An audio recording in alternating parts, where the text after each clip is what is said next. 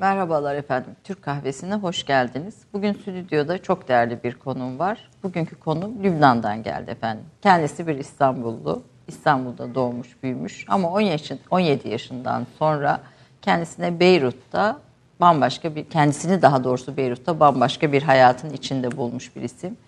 E, Lübnan'daki, Beyrut'taki Filistin kamplarının melek, meleği diyelim. Me, ismi gibi. Kendisi de ruhu da kalbi de güzel bir insan. Melek El Nimer.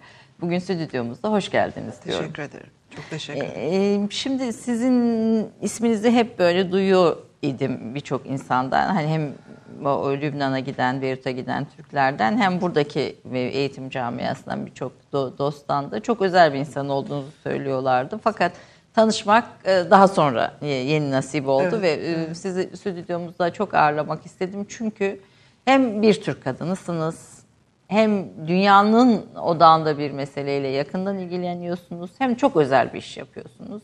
Ve bu yaptığınız işi izleyicilerimize tanıtmak istedim. Ee, önce kısa bir aslında Melek Nimer e, kimdir isimli bir böyle küçük bir şeyimiz var, videomuz var. Onu izleyelim. Ondan sonra neden bu kadar önemli Melek El Nimer ve yaptığı iş neden bu kadar önemli? Bunu birlikte konuşalım efendim.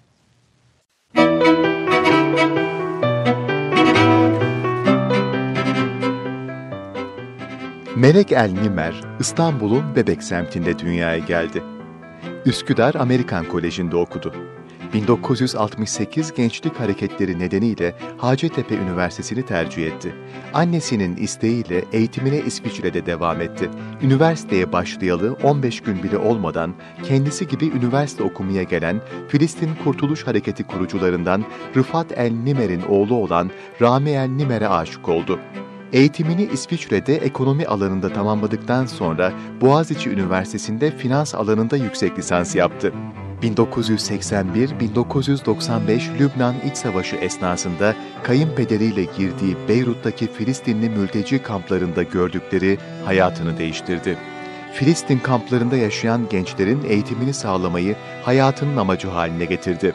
Kamplarda marjinalize edilmiş gençlerin hayatını ekipman, bilgi donanım ve eğitimle değiştirmek için yaptığı çalışmaları kurumsal bir çatı altında kalıcı hale getirdi.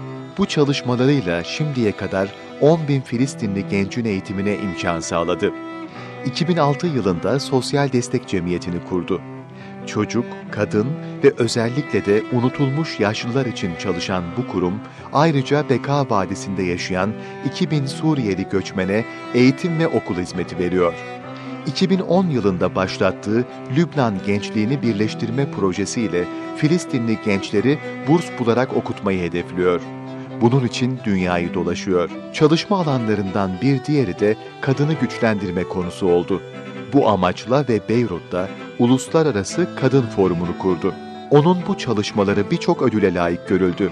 Lübnan Gençliğini Birleştirme Projesi 2016 yılında Arap-Amerikan Enstitüsü tarafından Halil Cibran İnsanlık Ruhu ve Tahater'in en iyi sivil toplum projesi ödülünü Kendisine ise 2015 yılında dünyanın en büyük kadın kuruluşu olan IWF tarafından fark yaratan kadın ödülü verildi. 38 yıldır Filistin kamplarında çalışan Melegel Nimer, hayat hikayesi ve insanlık adına yaptıklarıyla bir Türk kadını olarak büyük bir örnek oluşturuyor. Evet gerçekten e, bir, gurur duyuyoruz tabii bir, böyle bir şey. Nasıl oldu efendim? Böyle bebekte Üsküdar Amerikanlarda büyük büyüyüp yani böyle gayet iyi koşullarda e, Beyrut'a gitmek. Şimdi tabii bir aşk hikayesi var şimdi içinde. Aşk nelere kadir diyebiliriz ama daha sonrasında da büyük bir sahiplenme, büyük bir benimseme var. Ben kısaca bu öyküyü bir, biraz sizden de dinlemek istiyorum. İşte dediğiniz gibi e, önce İsviçre'ye üniversiteye gittim. Orada eşimle tanıştım. Üniversite olayları vardı. Herhalde Boğaziçi'nin işte çok yakınında. Ya ya şey İsviçre dedi annemler hani bir sene orada okuyup Boğaziçi Üniversitesi'ne transfer olmamdı plan ama tabii ben gider gitmez Rami ile tanışınca dönmemek için ne lazımsa yaptım. Burs aldım, çalıştım. Yakışıklıydı tabii Rami onları, Bey belli resimlerden de. Tabii bir genç Annemleri de tabii yani işte kızımız gelecekti ama burs teklif edildiği için orada kalıyor demek de tabii güzel geliyor anne babaya. Kaldım böylelikle. Sonra e, Boğaziçi Üniversitesi'ne master'a gelince o arada nişanlandık. 1980 yılında da evlenip bir, bir, bir buçuk sene kadar New York'ta oturup Aralık 80'de Beyrut'a taşındık. Beyrut'a taşındı. Aileniz hiç tepki göstermedi mi? Yani bir Arap'la evleniyorsunuz, işte buradaki koşullarınızı bırakıyorsunuz. işte Lübnan'da çatışmanın içinde bir küçük coğrafyada hiç tepki göstermedi mi? Rahmetli annem iki şey söyledi. Bir kere ilk, ilk söylediğimde, çünkü mezuniyete geliyordu. Tabii tanıştır, Ramin'in ailesi de geliyordu.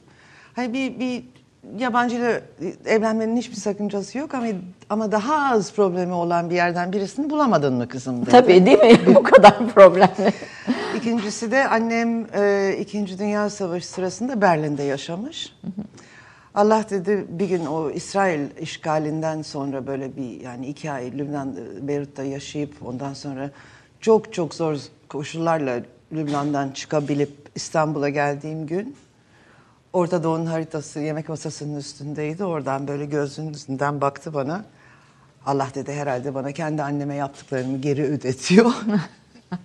Çünkü o da kadar. İkinci Dünya Savaşı döneminde Berlin'e gitmiş. Ee, ama eşimi o kadar çok sevdik yani tanıştıktan sonra kat yani bir daha hiçbir zaman bir şey söylemedi. Yani çünkü Türkiye'de Türkiye'nin anladığım kadarıyla aileniz Türkiye'nin e, işte e, bir şey az sayıda hani varlıklı ailelerinden birisiydi. O dönemin koşulları içinde tabii Arap ülkelerinin ve Arap dünyasının daha mesafeli bir Tabii, e, kültür tabii, de tabii, hakimdi. tabii, tabii, yani hani tabii. böyle bir o yüzden hani kızımızı kaptırdık Yok, ne yok, olacak filan. Yani annem, babam zaten vefat etmişti ama annemden daha uzak akrabalar bir şey söylediler mi bilemiyorum ama bana öyle bir şey gelmedi. Gelmedi. Be- Be- Beyrut'a gittiniz. Beyrut'a gittim. Beyrut'a gittiniz. Beyrut'a siz gittiğiniz zaman herhalde iç savaş daha henüz Kaynıyordu, yo- tabii, yani tabii, tabii, başlama tabii. aşamasındaydı. Arafat 74'te başladı işte 82'de İsrail e, işgal ettiği zaman en kötü zamanıydı. Arafat'ın O zaman çıktı, tabii, çıktı. Arafat'ın oradan tabii, çıktığı dönemde bombalamalar Tabii, tabii. vesaireler yani her bir şey e,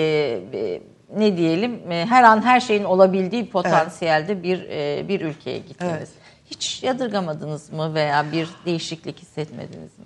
Yadırgamadım çünkü e, tabii yani o savaş kısmı tabii ama o da o kadar genç olunca insan ve de e, herkes aynı şeyi aynı anda yaşadığı için yani Normal şimdi geriye bakınca tabii yaptıklarımızın birçoğunun hiç normal şeyler olmadığını şimdi idrak edebiliyorum ama o anın içinde işte herkes aynı şekilde yaşıyor. Ne bileyim ben bir yere gidiyorsun bir yerde bir patlama oluyor koşuyorsun geliyorsun evine bunlar tabii hiçbir normal şeyler değil ama işte herkes aynı koşullar altında yaşadığı için sanki normal gibi geliyordu o zaman. Yani normal değil de işte yani idare olan. ediyoruz. evet. Aslında DSF'lerimiz, görüntülerimiz var biraz Beyrut İç Savaşı'ndan. Çünkü görmeden gerçekten insan o tabii, o dönemi haber hafızasında olanlar belki bilir ama nasıl bir şey olduğunu. İlk e, savaş kadar kötü bir şey yok yani zaten. işte herkesin birbirine bir de kim kimle düş- düşman, kim kiminle O dost da bunu da anlamanız Her gün mümkün. değişiyordu. Kimin kiminden dost olduğu, kime düşman olduğu o da çok yani gelişmelere göre değişiyordu. Hiç endişe etmediniz mi, korkmadınız mı İstanbul'a döneyim falan hani bu? Yok. Yani siz bir hayat seçtiniz ve o hayat Tabii, üzerinden tabii, hiç tabii. pişmanlık Evet, evet, evet. duymadan Yok, yok, devam hayır, ettiniz. Tabii tabii tabii. Orada Sonra kendimi orada hiçbir zaman bir yabancı gibi hissetmedim. Çünkü hayat tarzı, e, her şey o kadar aynı ki.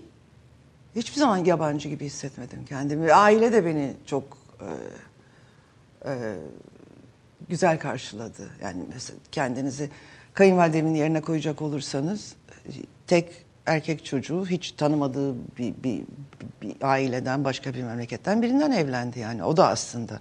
onu da O kadar- o soracaktım. kadar işte Onlar yani o nasıl kadar. karşıladı sizi? Bir Ee, kayınpederim e, kendisi vakti zamanında bir Türk hanımla evlenmek istemiş. O olmayınca e, herhalde oğlu gidip de ben bir Türk kızından tanıştırmak istiyorum sizi deyince herhalde o çok hoşuna gitti. E, zaten çok iyi anlaştık hep kayınpederine. E, Bütün röportajlarda çok e, saygıyla, özenle söz ediyorsun. olağanüstü bir insandı çünkü yani böyle bütün hayatı Filistin olan birini düşünün. Filistin Kurtuluş Örgütü'nün kurucularından, hapiste yatmış O tabii de ondan döneminde. evvel İngilizler hapse atmış. idama mahkum olmuş. Bilmiyorum artık idam edilmek için kaç yaşında olmak lazımsa. Ondan daha genç olduğu Evet. için idam edilmemiş. İlk defa hapiste e, tıraş olmuş ya. O kadar O gençmiş. kadar evet. gençken, çok çocuk Evet, yaşlarda evet, evet, başlayan evet, bir evet, hareketin evet. içinden. Evet. Ee, ondan sonra da 1948'den önce ayrılmış zaten. Ee, Filistin'den. Tabii e, Nabluslular, Batı Şeria, onun içinde Ürdün vatandaşılar. Yani o da bir kolaylık tabii. Yani hiçbir Onun zaman için. mülteci olmamışlar. Evet. O, o da tabii statülerini Lübnan tabii, tabii, içinde tabii, tabii. e, farklılaştırıyor. Onlar nasıl karşıladılar bir Türk gelin? İşte çok güzel yani karşı yani çok e, candan karşıladılar. Onun için de tabii ben hiç kendimi yabancı gibi hissetmedim. E, bu peki kamplara ilk gidişiniz yani o Filistin iç savaşı bir taraftan yani o iç savaş herkes birbirini öldürüyor filan öyle bir ortam ve bir taraftan da işte Sabra Şatilla katliamı da o 82'de, evet. 82'de o yıllarda Evet. ve büyük bir şey katliam hep ve hala e, e, hafızalardaki en büyük katliamlardan birisidir. Ondan sonra da Filistin o, zaten o bölgede yaşayan o kamplara sizin e, gidişiniz nasıl oldu? Yani hiç daha önce Filistin meselesiyle ilgili de ilginiz var mıydı? İst- Tanışmadan eşimden. Evet, hayır evet. hayır hiç. Yani hiç, Filistinliler ne yaşar ne eder buna Hiç, dair hiçbir hiç. fikriniz yok. Hiçbir fikrim yoktu. Ee, 90 yılında başladım ben kamplarda çalışmaya ve e, o zaman işte iç savaş bitmişti. Yani ondan önce zaten öyle kolay girilip çıkılacak yerler değildi. Ee, kayınpederim e, biz ziyarete gelen bir hanım ki şimdi beraber çalışıyoruz. Ondan rica etti. Meleği götür kamplara gezdir, işte oradaki kuruluşları görsün. Böylelikle gittim ve bir em, e, Filistin kamplarında yaşayan en büyük derneğin e, mütevelli heyetine üye oldum. Ee, ama tabii ben öyle mütevelli heyeti üyesi olup da öyle orada oturacak da bir insan değilim. Aileleri, çocukları ziyarete başladım. Sonra e, yaşlılar için bu sizin de bahsettiğiniz e, Sosyal dernek, destek. Kortka evet, sosyal dernek. Şimdi şu anda üç merkezimiz var. E, Şatilla, Burjul Barajni ve kuzeyde Nahrül Berit kampı var. Bu yakın zamanda yerle bir olan. Aslında bunu biraz bu yaşlar meselesini de aktarın isterim. Ben e, bu e, Müslüman ülkelerde kadın belgeseliyle ilgili Filistin ve e, Lübnan'a gittiğimde e, benim tabii gördüklerim ağırlıklı yaşlarla ilgili Filistin'deydi. Yaşlılar meselesinin çok önemli bir mesele Evet. bizden de farklı. Yani dünyadaki o genel yaşlar konseptinden farklı önemli bir mesele olduğunu orada idrak ettim ve çok etkilenmiştim. Hatta bizim TİKA vasıtasıyla açılan bir yaşlılar yurdunda da onu gördüm. Efendim yurt dışına bir e, göçle e, birçok Filistin aile gidiyor ve yaşlılar tek başlarına kalıyorlar. Gördüğüm kadarıyla ve tek başına kalan ve kendisine bakamayan, kendi ihtiyacını karşılamayan ve bunların içinde özürlüler var, e, e, ihtiyaç sahibi birçok yaşlı var ve bu yaşlılar gerçekten himayeye muhtaç. Yani bir şey değil yani bir bildiğimiz genel yaşlı sorunları içinde Tabii, bir tabii, yaşlı tabii, sorunları değil. Yani sizden dinlemek isterim aslında yaşlılara ilk yönelmenizin sebebi ve oradaki o durumu biraz anlatmanızı Ha, Bir kere isterim. o e, Filistin'den çıkan yani Filistin'de yaşayıp da Filistin'i bilip de çıkan son jenerasyon şimdi bu yaşlıların en yaşlıları. Yani onlar da Onlar gittikten sonra yok biliyor, kimse. ondan Bir sonra- onlar biliyor. Ondan sonra artık e, onun için onların e, Filistin adetlerini e, ben o, kendi hatırladıklarını bir sonraki nesile daha çok daha genç nesillere geçirmeleri çok önemli. O şöyle oldu. Bir Ramazan em, e, kayınpederimden e, birisi şey rica etti işte böyle bir grup e, kimsesi olmayan veyahut da ailesi olup da yani onlara bakacak hali olmayan bir grup ihtiyar e, yaşlı var. E, onların e, iftarlarını karşılar mısınız Ramazan ayı boyunca diye. O da tabii dedi. Beni gönderdi iftara. Bir sene sonra aynı hanım tekrar geldi. Aynı şeyi söyleyerek. Peki o zaman ben dedim ki bu iki Ramazan arasında ne oluyor bu insanlara? Oturuyorlar evlerinde dedi. Böylelikle başladık. Yani yapmak istediğimiz şuydu. Bu yaşlılar sabah uyandıklarında gidecekleri bir yer olsun, yapacakları bir iş, bir bir, bir şey olsun. Ee, ilk merkezimizi kurduğumuzda mesela böyle çok tedirgin, çekinerek geliyorlardı. Bilhassa erkekler. Şimdi ben gittiğim zaman sanırsınız ben onları evlerinde ziyaret ediyorum. Yani onlar beni karşılıyor.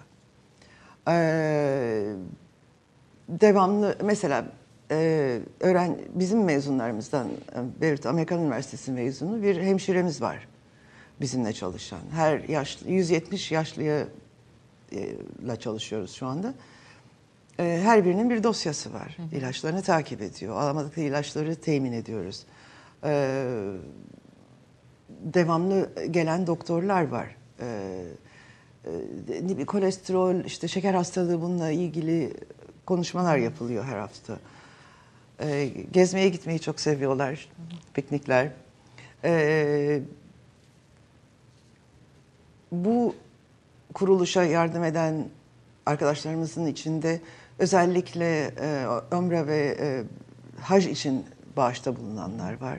Aşağı yukarı herkes gitti. Tabii, oradaki yaşlılar için Tabii, bu çok tabii, önemli tabii, bir şey. tabii, tabii. Yani o 90'da başladınız bu sosyal destek Evet, fonu. Bugün de hala devam evet, ediyor. Evet tabii tabii. Yani bu üçüncü merkezimizi yeni açtık. Mesela o da şöyle oldu. Hollanda'da yaşayan, e, eşi Filistinli olan bir hanım kendi annesini kaybetti yakın zamanda. Bizim o iki merkezden birini ziyaret ederken ben de annemin hatırası için böyle bir yer açmak istiyorum ve ben karşılayacağım bütün masraflarını. Ne dedi. kadar güzel. Böylelikle üçüncü bir merkezimiz oldu. Bu arada fizyoterapi e, bölümünden mezun olan öğrencilerimiz var. Onun için iki, iki merkezde fizyoterapi e, merkezimiz var. Yani ilk kat fizyoterapi merkezi, birinci kat yaşlılar. Mesela bu yeni açtığımız merkezde üçüncü katta sınıflar var. Çünkü Şatila'da o, Şatila civarında yaşayan çocuklara verdiğimiz bir sürü programımız var. Evet. Onları e, bize yer veren başka derneklerin merkezlerine gideceğimize şimdi kendi merkezlerimizde merkezimizde azından. yapıyoruz. Şi- Şimdi bütün bunlar ne neden önemli? Tabi birazdan arkadaşlarımız be- benim belgesel için çektiğim görüntüleri de biraz DSF olarak hazırlayıp verecekler. Sabra Şatilla vesaire kamp, mülteci kampları ile ilgili özellikle orada e, mülteci olmak, Filistinli mülteci olmak Lübnan'da nasıl bir şey? Yani çünkü diğer coğrafyadaki bölgelerden hani ben de Suriye, Ürdün ve başka mülteci kamplarına da gitmiş birisiyim ama hiçbir ülkede mültecilerin durumu Lübnan'da olduğu kadar kötü değil. Nedir koşulları? Bir e, Filistinli mülteci Lübnan'da nedir? Yani in- insan e, ba- bazında baktığımızda hatta bazen diyorsunuz yani insan olarak kabul edilmiyorlar. tabii. E, duygusu Tabii. ediniyorsunuz. Nedir? Siz biraz onu aktarır mısınız izleyicilerimize? Çünkü e, şey anlatırken hani bu çalışmalar birçok yerde var ama Lübnan'da olmasının böyle işlerin, böyle çalışmaların önemi bambaşka. Bunun altını çok çizmek istiyorum. Lübnan bir kere mülteci olmak herhalde bizim anlayamayacağımız kadar korkunç bir şey olması lazım. O da yetmiyormuş gibi bir de bu insanlar 70 senedir istenmediklerini çok iyi bildikleri bir memlekette yaşamak zorundalar. İstenmediklerini çok iyi bildikleri derken onlara Ee, nasıl hissettiriliyor bu? O her, her şekilde yani çalışma hakları yok. Evet. Ee, gayrimenkul sahibi olma hakları yok. Ev falan alamazlar. Hayır hayır hayır hayır. Yani sendikası olan hiçbir mes- meslekte çalışamıyorlar. Yani e, mesela e, tıp öğrenimi yapmış bir Filistinli e, taksi şoförü olarak çalışıyor. Onu da gizli olarak yapıyor. Çünkü taksi şoförlerinin de bir şeysi var, sendikası var. Doktor olamıyor. Hiçbir şey doktor, mühendis. e, Çok yakında hemşire hemşire olarak çalışmalarına izin verildi. Çünkü Lübnan'ın hemşireye ihtiyacı, ihtiyacı var. vardı. Ama bir birçok meslek dalı yasak onlar. tabii, tabii, tabii. Üniversiteye gidebiliyorlar mı? Gidiyorlar yani eğer burs bulabilirlerse gidiyorlar. Burssuz gidebilirler mi? Hayır, Lübnan'da tek resmi üniversite var. Lübnan orada Devleti. da Lübnan Üniversitesi, orada da e, böyle çok ufak kotalar var belirli fakültelerde. Belirli fakültelere yani gidip başka öğrenci bulamadıkları. iş falan. bulup çalışabiliyorlar mı? Sendika her her Şöyle çalışıyorlar. Mesela mühendis işte bir şirket işe alıyor. Ee, tabii Lübnan'dan çok daha az maaş veriyor. Ve kendi projesine imza atamıyor. İllaki bir Lübnanlı'nın Ta- tabii, im- imzası tabii, tabii, tabii, gerekir. tabii. Yani yoklar gibi. Aslında kimlik olarak ne kullanıyorlar? Kimlik olarak Birleşmiş Milletler'in Filistinli mülteciler için kurduğu UNRWA yani e, şey değil, UNHCR değil, UNRWA. E, onun verdiği e, bir kimlikleri var. E, Lübnan hükümeti o kimliği tanıyor. Pasaport da e, laissez-passer dedikleri işte mülteci pasaportu veriyor Lübnan hükümeti. Şimdi tabii Lübnan iç savaş esnasındaki görüntüleri veriyor. Hani mülti, bu bu iç savaş e, mültecilerin durumunu daha da kötü Tabii, hale tabii, tabii. da- daha da kötü hale getirdi. Siz bu koşullarda e, Beyrut'ta yaşadınız. Bu ha, bu e, silah delikleri hala var. Var Hal- tabii, evet, var. Hala ne kadar onarılsa da hala var. Bu katliamlardan birisi sanırım Sabra Şatilla. Sabra Şatilla. Sabra Şatilla'da yaşanan o 82'deki e, Sharon'un yaptığı e, katliamlardan birisi. Şimdi bunu daha sonra izleyelim, beter olarak izleyelim istiyorum. Çünkü bu orada çalışan bir hanım Cemile Şahin. Cemile Şah... Tanırsınız e, Cemile'yi. Ben işte onun e, o Şatila merkezinin başında olduğu kuruluşa katıldım ilk yani. O İlk- en ilk. büyük dernek dediğim oydu. Beyt Atfallı Sumud. E, dediği dernek. Evet bu O çö- kendi ama kat- katliamları yaşayan birisi. Katliam Cemile. katliamları yaşayan hem de tabii çocukları ve kadınları rehabilite etmek için büyük çaba sarf eden Tabii. isimlerden birisi. E, Peki orada gördüğünüz ve sizi etkileyen şey neydi? Yani 38 yıl önce 38-40 yıl hatta 40 yıla yakın bir zaman siz oradayım, evet. oradasınız, o kamplardasınız ve hayatınızı o kamplardaki gençlerin eğitimine e, vakfetmiş durumdasınız. Ne gördünüz? Ne sizi etkileyen neydi? Şimdi siz tabii çok e, sık git e, yani içinde Evet, olduğunuz için doğru. bizlerin de bildiğini zannediyorsunuz ama gerçekten e, bil- bilmiyoruz. Evet. Bir kere zaten yani bunu sizden daha önce de konuştuk. Ee, kendi ben size ne anlatsam yani ke- kendi insan gözünden görmedikçe inanılacak gibi şeyler diğerler değil. Yani 70 sene sonra bu insanlar hala açık lağım akan yerde yaşıyorlar. Yani olacak şey mi bu? Sonra e, e, mültecinin tanımı nedir? İşte belirli bir süre için yerinden olmuş insan Evet, değil mi? E, ama o yani 70 senedir mülteci olan insanların tanımı değil o. Bir öbür Yani, geçmiş ya bir yaşlı kuşak gitmiş zaten. e, Dördüncü jenerasyon. Dördüncü jenerasyon. Birleşmiş Milletler bile artık utanıyorlar herhalde Filistinlere mülteci demek. Yeni bir terim çıktı. Protracted refugee sanki böyle sakız gibi yani uzatılmış. Uzun Kend- süreli mültecilik gibi bir şey herhalde. Evet, evet. Ee, ama yani ileriye dönük de yani daha uzayabiliyor. Onun için ben sakız gibi diyorum. Kendileri biz unutulan mültecileriz diyorlar. Çünkü birçok insanın Lübnan'da Filistin yani 175 bin şu anda nihayet sayıldılar. Çünkü çok yakın zamana kadar Lübnanlı politikacılar da Birleşmiş Milletler'de hep 400 bin Diyordu. mülteciden bahsediyordu. Hala birçok siteye girdiğinizde 400 bin. Bu 400 binin içinde mesela 15 sene evvel Kanada'ya iltica etmiş 12 kişilik aile aile de var. Hı hı, Ama yokları. Ama herkesin içine geliyor tabii 400 bin demek çok yani. mültecimiz var. Birisi tele- bir politikacı televizyona çıkıp da işte 400 bin Filistinli var burada işte biz onlara çalışma müsaadesi versek sizin elinizden iş, iş alır, işlerinizi alırlar gayrimenkul e, almalarına müsaade edersek sanki herkesin şey şiltesi para dolu. Ertesi sabah herkes çıkıp ev alacak. E, gayrimenkul fiyatları çıkar. 175 bin Filistinli var. Lübnan- 12 tane kampta yaşayan. Lübnan nüfusu sayılabildi mi nihayet? Genel? Abi yok biz sayılmıyoruz. Siz sayılmıyorsunuz. yok, tabii Lübnan nüfusu Neden sayılmadığınızı biliyorsunuz Bir- tabii. o- 1930'dan beri sayılmadı. evet, E, evet, evet. Kimin ne kadar arttığı çıkmasın ortaya diye. Çünkü tabii sistem ona göre ya. Yani Sünnilerin belirli bir oran parlamentörü var. Şiilerin belirli bir oran. Ortodokslar. Çünkü her mezhep var bizde. 18 mezhep. O işte öyle bir o şey sistem bırakmış Fransızlar. Biz aynı sistemle devam ediyoruz. Ama o geçerli değil tabii. Yani nüfus sayımında yapılmadığı bir ülke. Bunun burada Düşünün, tabii. evet. Bir de tabii Lü- Be- Lübnan deyince hani sağdan gitseniz 2 saat, soldan gitseniz 2 saat, 4 saatlik yani toplasanız 4 saatlik bir ülkede bu kadar çok farklılık, bu kadar etnisite, 18 mezhep yani Hristiyanlık ve Müslümanlık şey içinde dahil olmak üzere hepsinin bir arada yaşaması da ayrı bir mucize tabii. Bütün E, bunların ama için işte beceremiyoruz birçok zamanda bir arada yaşamayı. Yani uslu uslu oturduğumuz zaman çok güzel bir yer yaşamak için. Ama Ama o- gördünüz yani kaç iç kere savaş ama tabii o iç savaş suikastler. Bir ben gittim de Hariri suikasti yeni olmuştu Buyurun, mesela evet. Beyrut'a ilk şey gittiğindeki umutları parçalayan bir şeydi Evet, tabii, Har- tabii, tabii. suikast. Suriyelilerin oradan çıkması. Yani Filistinliler orada unutulmuş bir kendileri mültecilik yaşıyor. unutulmuş mültecileriz diye bahsediyorlar kendilerinden. Ee, peki nasıl mesela çocuklar okula gidebiliyor mu? Nasıl e, bir iş, iş bulamıyorlarsa nasıl geçinecekler? Ne yiyip ne içecekler? İşte gizli olarak çalışıyorlar. Kayıt dışı iş gücü. Tabii tabii tabii. tabii.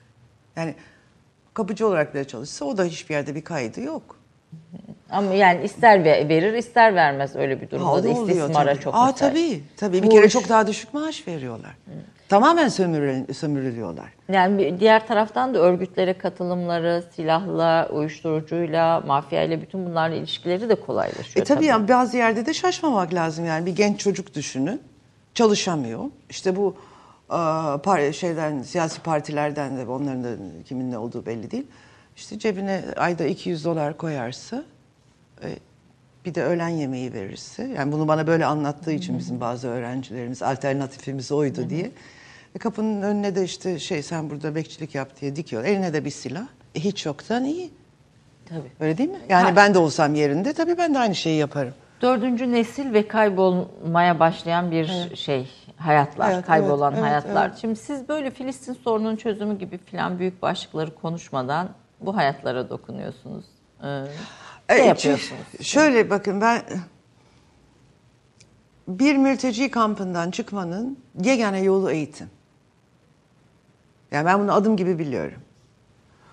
Onun için eee, şöyle düşünüyorum ben, eee, komik gelecek ama hani sanki şey, eee, bu Filistin kamplarda yaşayan Filistinlerin sorununu e, çözmek için biz uzun vadeli bir kısa yol bulmuşuz gibi geliyor bana. Yani yoksa Birleşmiş Ama uzun vadeli dediğiniz hayatlarını değiştiriyorsunuz. Evet ama yani biz bu Birleşmiş onu anlatmak isterim müsaade Evet, ederseniz. ona Eğitim geleceğim. gördükleri okullar. Oradan her sene aşağı yukarı bin öğrenci mezun oluyor. Biz belki yüz öğrenciye burs verebiliyoruz senede. Yani ortalama e- eğitim gördükleri okullardan bin öğrenci de çok az. Yani bu, bu rakama verdiğimiz. Aa, ama onun sebebi var. Şimdi bu Birleşmiş Milletler'in Filistinli mülteciler için Lübnan'da kurduğu el, e, 68 okul var. Bu 68 okulun 9'u lise. Ve bu o kadar kötü bir sistem ki böyle herhangi bir yılda baktığınız zaman birinci sınıfta 3000 öğrenci var. 12. sınıfta 1000 öğrenci kalmış oluyor. eğlenmiş. Artık bırakmışlar okumayı ve aslında sokağa ve aslında tabii, her tabii, türlü tabii, tehdide tabii, açık bir tabii, tabii. dünyaya e, Evet, akmışlar evet, evet. diyelim, açılmışlar. Şimdi bizim yaptığımız bu 9 lisenin en e, ortak toplam en başarılı 200 öğrencisinden mülakat yapıyoruz. 11. sınıfa geçmek üzereykenler. Bunların içinden 150 öğrenci seçip bunları üniversiteye hazırlıyoruz. bu siz kendi merkezinizde, Evet evet yani ücretsiz olarak bu- Merkezi'nde. bunu yapıyoruz. Seçimlerine yardımcı oluyoruz, başvurularına yardımcı oluyoruz. Ve bu çocuklar üniversitelere beraber tabii karar verdiğimiz işte biz tabii biraz yönlendiriyoruz. İşte ne bileyim mesela Koç Üniversitesi işte sen hayır oraya puanın, notların olmaz. İşte ben- biz filanca üniversiteye git. Ee, beraber karar verdiğimiz üniversitelere başvuruyorlar. Kabul oldukları zaman da biz onları bize üniversitelerin, e, devletlerin, vakıfların ve kişilerin verdiği burslarla e, bitiştiriyoruz çocukları. Yaptığımız iş bu. Onları dünyaya gönderiyorsunuz. Evet. E, hangi ülkelerde daha ağırlıklı Kuzey Kıbrıs'ta öğrenciniz? Kuzey Kıbrıs'ta 80 küsur öğrencimiz var. E, galiba Kuzey Kıbrıs'taki özellikle Türk üniversitelerinin sahipleri de biraz çılgın. Öyle değil. Ee, o sayın direktör için takılmışlardı bu defa çünkü e, Yani şu espri yapıyorum. Do- evet, şöyle Doğu çok, Akdeniz Üniversitesi'nin bursa- rektörü. e, her gördüğünüzde Sağ olsun sizin bu bursu- defa hem bu defa bir de iki, iki katına katladı yani. On- Altı bursumuz vardı 12 yaptı. Sayın Rektör bu son yani oradan geliyorum zaten ben. O zaman dekanlar takıldılar patron çıldırdı diye. yani burslu öğrenci almak tabii e, üniversitenin kendi sistemi içinde de çok kolay Devlet değil. Üniversitesi ama. Devlet Doğu Üniversitesi, Evet. Yakın Doğu Üniversitesi. Evet, Batı, Batı, Batı Akdeniz Üniversitesi, Yakın Doğu Üniversitesi'nde de burslu okuyan çok üniversitemiz var. Ee, Hangi üniversitelerde? Yeditepe ile başladık. Ee, Sayın Bedrettin Dalan'ın sayesinde benim e, Profesör Doktor Sedef Hanımız e, sınıf arkadaşım. Yurt ark yani yatılı beraber okuduk Üsküdar Amerikan'da. O tanıştırdı tabii. O, böylelikle Sayın Dalan'ın verdiği burslarla başladık. Her sene 2-3 burs veriyor bize. Sonra yavaş yavaş işte birinin oradan birinin tanıdığı, işte kim beni nereye gönderirse yani ben kapı kapı geziyorum. Eşime melek ne iş yapan ne yapıyor diye soranlara profesyonel dilenci diyor. benim Eşiniz için. bunu böyle gayet profesyonel kızmıyor musunuz? Profesyonel. Kızıyorum tabii. Kızıyorum ama kendim için istemiyorum ki. Evet. Öyle değil mi? Tabii bu, bu öğren- ve, ve, ve gördüğüm kadarıyla da hiç iki öğrenciyi bile bir yere yerleştirmek için dünyanın en ücra köşesine gitmekten çekiniyorsunuz. tabii tabii tabii. Yani mesela şimdi siz bana deseniz ki benim bilmem, Malezya'da çok yakın bir ahbabım var. Bayıldı sizin programa. Çok ilgileniyor. Ben oradayım bir iki hafta için. Yani iki öğrenci iki öğrencidir. Ha, bir tabii, öğrenci tabii, bir öğrencidir tabii. diye bakıyorsunuz. Tabii. Sonra ben şey diyorum ona yani dilencilik mi değil bilmiyorum ama yani eğer dilencilikse demek ki çok iyi dilenciyim ben çünkü 445 öğrencimiz var üniversitede. O, o da Muhteşem demek ki şey. onun Yani o ispatı kampların değil o koşulların içinden 445 öğrencinin çıkması muhteşem bir şey.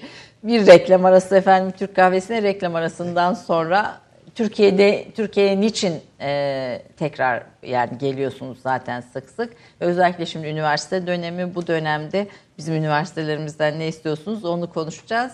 Kısa bir reklam arasından sonra Melek El Nimer ile buradayız.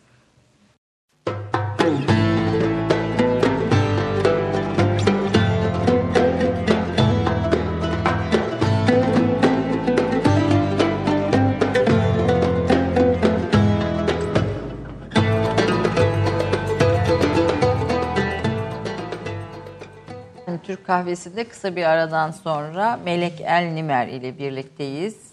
Bir Türk kadını ama Beyrut'ta, Lübnan'da yaşayan ve 38-40 yılını yaklaşık Lübnan'daki Filistin mülteci kamplarındaki çocukları oradan çıkartmaya adamış, gençleri oradan çıkartmaya adamış bir isim Melek El Nimer.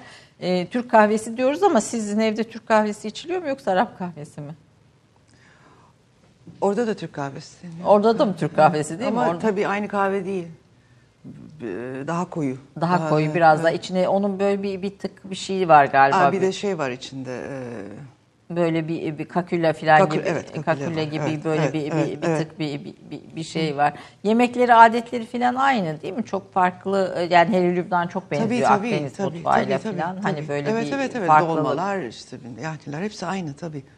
Belki biraz daha fazla baharat kullanıyorlar ama yemekler aynı. Evet yani böyle bir Arap Mezeler. ülkesi şey yok. Yok, yok, yok, yok, yok, yok, yok. Be- Beyrut'ta gördüğüm kadarıyla mutfağı. Güzel yemeklerimiz. Yemekleri güzel evet. Restoranları filan da Evet. yemekleri de çok güzel. Filistin mülteci kamplarını konuşuyorduk Evet. özellikle Sabra Şatil, Lübnan İç Savaşı'nın ardından kalan mirası. Ee, böyle çok etkilendiğiniz hikayeler vardır. Şimdi 450 dediniz değil mi? Böyle ilk yarıya gitmeden önce. Dört- 445, 400 409'da mezunumuz var. bu, bu 445 dediniz. Beşinde de Şu inşallah. anda üniversitede yani. Şu anda üniversitede. Beşinde de belki bu programdan sonra buluruz bir İnşallah. üniversite. bir Türk üniversitesi çıkar da ben de dör- 400 e, bu 45'i Ben de 450 dört- yapıp yuvarlayalım. yuvarlayalım. Bir 5 öğrenciye de biz burs verelim der. E, efendim böyle bu meselelerde e, bütün insanlık halleriyle ilgili meselelerde konuşmak kolay, yapmak zor. Bunu hepimiz çok yakından biliyoruz. Lafını etmek kolay. Böyle büyük büyük laflarla konuşmak da, insanlık satmak da kolay ama gidip aralarında yaşamak çok zor. Onların arasına girdiğinde ne hissediyorsunuz girdiğinizde? E, Bir kere öğrencilerimizi görünce böyle, Size e, ne size diyorlar? tarif edemeyeceğim bir gurur duyuyorum. Bana ne mi diyorlar? Evet. Bir kısmı anne diyor. Muhteşem bir şey evet. Ee, bazen kendi çocuklarım takılıyor bana. Çocukların nasıl diye öğrenciler Öğrenci soruyorlar. evet. Hepsi sizin çocuğunuz gibi. Hepsinin hayatlarını yakından biliyorsunuz. Evet ama tabii böyle 445 olunca artık bir kısmının yani herkesin ismini biliyorum, herkesin simasını biliyorum ama isimlerle simaları bir araya getirmek bazen zor oluyor tabii. Ama işlerinde tabii e, çoğunu çok iyi tanıyorum. Ee, e, ve bana bazen öyle şeyler söylüyorlar ki e,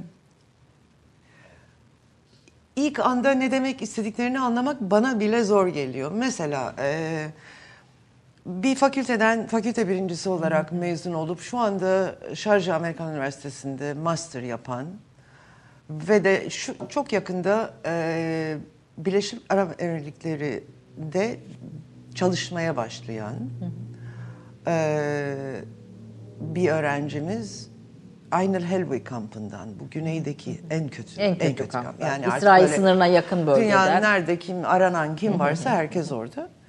Ee, siz dedi beni gelip bulmasaydınız. O terim de şu için artık kimseyi biz aramıyoruz. Herkes bize geliyor ama o ilk öğrencilerimizdendi.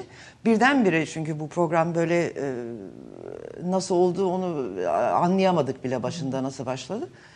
Ee, okullara gidiyorduk. Hani işte böyle yurt dışında okumak isteyen öğrenci kim var başarılı. Onun için beni bul, bulmasaydınız diyor. Şimdi herkes şu anda mesela 400 müracaat var önümüzdeki sene için. Artık biz Şimdi bir yere gitmiyor. Herkes bize geliyor. geliyor. İstemediğimiz kadar Ama öğrenci ilk geliyor zaman herhalde şimdi. siz tek- Biz geziyorduk tabii. Bir de o aileleri de yani o çocukları yurt dışına göndermeye ikna etmek de hele kız kız öğrencileri. Çünkü başarılı öğrencilerin yüzde yetmişi kız öğrenci. Yani her her lis- herhangi bir listeye baktığınız zaman. E, neden ne demek istiyorsun diye sorduğumda ben dedi böyle dedi tatile geldik işte dedi eski sınıf arkadaşlarımı soruyorum arıyorum. E, büyük bir kısmı ölmüş büyük, büyük- çok büyük kısmı da hapiste dedi. Yani ben de herhalde ya orada ya orada olacağım dedi. Evet. Dım dedi Allah korusun yani. Neyin içinden çekip çıkarttığınızı Evet, çok tabii iyi işte ben, anlatan onu- bir ben örnek. tabii biz onu artık bazen unutuyoruz. Ama onu çocuklar biliyorlar tabii. Yani, yani gerçekten bir başka bir hayatın içinden çıkart. Dönüp yardım ediyorlar mı veya ne yapıyorlar? Tabii tabii ediyorlar. Ee, şimdi Mezunlar Derneği değil de çünkü resmi bir kuruluş değil ama böyle bir ufak bir şeyimiz var. E, dernek, dernek gibi bir şeyimiz. Ee, bütün istediğimiz e, çalışmaya başladıkları çalışmaya başladıktan sonra e, yılda bize 200 dolar bir aidat ödüyorlar.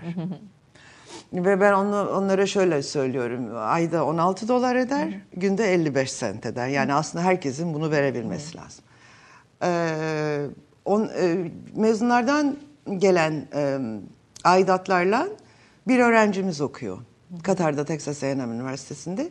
Bu e, Eylül'de inşallah ikinci bir öğrencimiz başlayacak. Aidatlar artmaya başladı tabii, ve tabii, tabii, tabii, ki onların tabii, gönüllü tabii, bağışları tabii, da evet. bir şekilde Evet, arttı ama evet. hepsi başka bir ülkede kendine bir hayat kuruyor. Kendine Çünkü hayat kuruyor. Dönecekleri bir ülke var mı? Yok yok hayır dönmeleri için hiçbir sebep yok. Yani dönüp ne yapacaklar? Yani bana kalsa bakın orada büyük bir miktar 100 140 öğrenci var Amerikan Üniversitesi'nde Lübnan'da. Ee, ikinci Amerikan Üniversitesi Lebanese American University orada 130'a yakın öğrenci var. Bana kalsa ben herkesi yurt dışına gönderirim. Çünkü Beyrut'ta yapacakları hiçbir şey yok. Beyrut'ta dönmeleri için hiçbir sebep yok. Bilakis dönmemeleri lazım. Çünkü aslında dönmemeleri hepimizin için iyi. Çünkü bu mülteci kamplarında son derece e, hayata bezmiş, genç, e, üniversite mezunu mühendisler ne kadar az olursa emniyet açısından hepimiz için iyi. Çünkü e, Çoğaldıkça terörle ilişkiler. terörle ilişki ve onları gelip buluyorlar tabii. Özellikle mühendisler terör yani, e, e, örgütlerinin hayır, evet yani en, işte en birinci hedefleri çocuklar, bunlar üzerine yazılan Yani çoğunluğu mühendis zaten çünkü en iyi, en, en başarılı öğrenciler olduğu için bizim usul. Herkes ya doktor ya mühendis olmak istiyor. Öğrenciler tercihleri de zaten. Tabii, ağırlık- tabii, tabii. ağır- Aynı Türkiye'deki gibi. Ağırlıklı Türkiye'de öyle.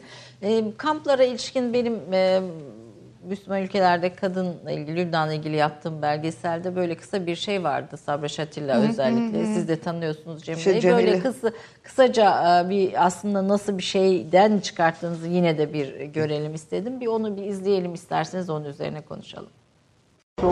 Sayısız acının canlı tanığı olan Sabra Şatilla kampındaki rehberimiz, anaokulu ve sosyal merkezin yöneticiliğini yapan Cemile. Onunla birlikte yol alırken gördüğümüz manzaralar ve yoksulluk bizi insanlığımızdan utandırıyor.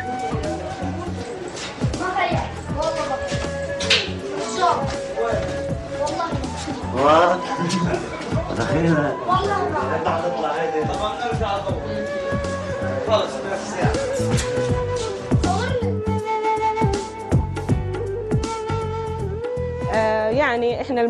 Burada sivil kuruluşlar çok önemli. Ben bu kuruluşlarda çalışmaya 1984 yılında başladım. O zamanlar Şatilla kampı saldırıya maruz kalmıştı. Burada ilk başlarda durum şimdi olduğundan daha kötüydü. Sharon yönetiminde ve Hristiyan milislerin de yardımını alarak bu kampta hatırası hafızalardan silinmeyen korkunç bir kıyım gerçekleştirmiş, 3000'e yakın Filistinli bir gecede katledilerek çukurlara gömülmüş.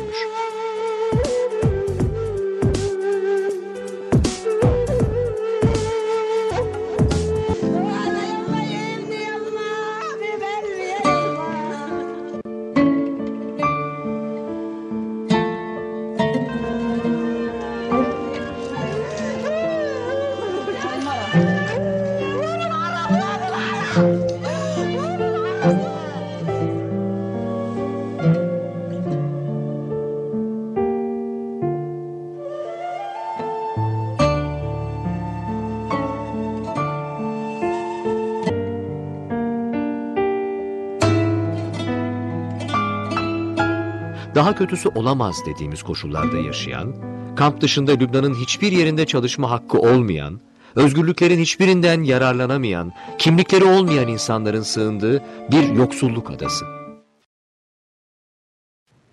Evet. E, Cemile'yi siz de Tanıyorum, tanıyorsunuz. tabii, çok iyi bir yoksulluk tanıyorum, evet. adası izlenimi bizde o zaman uyandırmıştı ve onların içinden bu gençleri işte Amerikan üniversitelerine, Katar'a, Birleşik Arap Emirlikleri'ne, İngiltere'ye Türkiye'ye. ve Türkiye'ye göndermek tabii büyük bir şey, büyük bir başarı. Ee, e, Tü- Türkiye'de Yeditepe ile başladınız. Yeditepe, Yeditepe Üniversitesi ile başladınız. başladık. Şimdi hangi üniversiteler? Ee, Reklam gibi olacak ama Bilgi- yapacağız Bilgi- yani. Yok, yok. yapacağız Bilgi reklamını.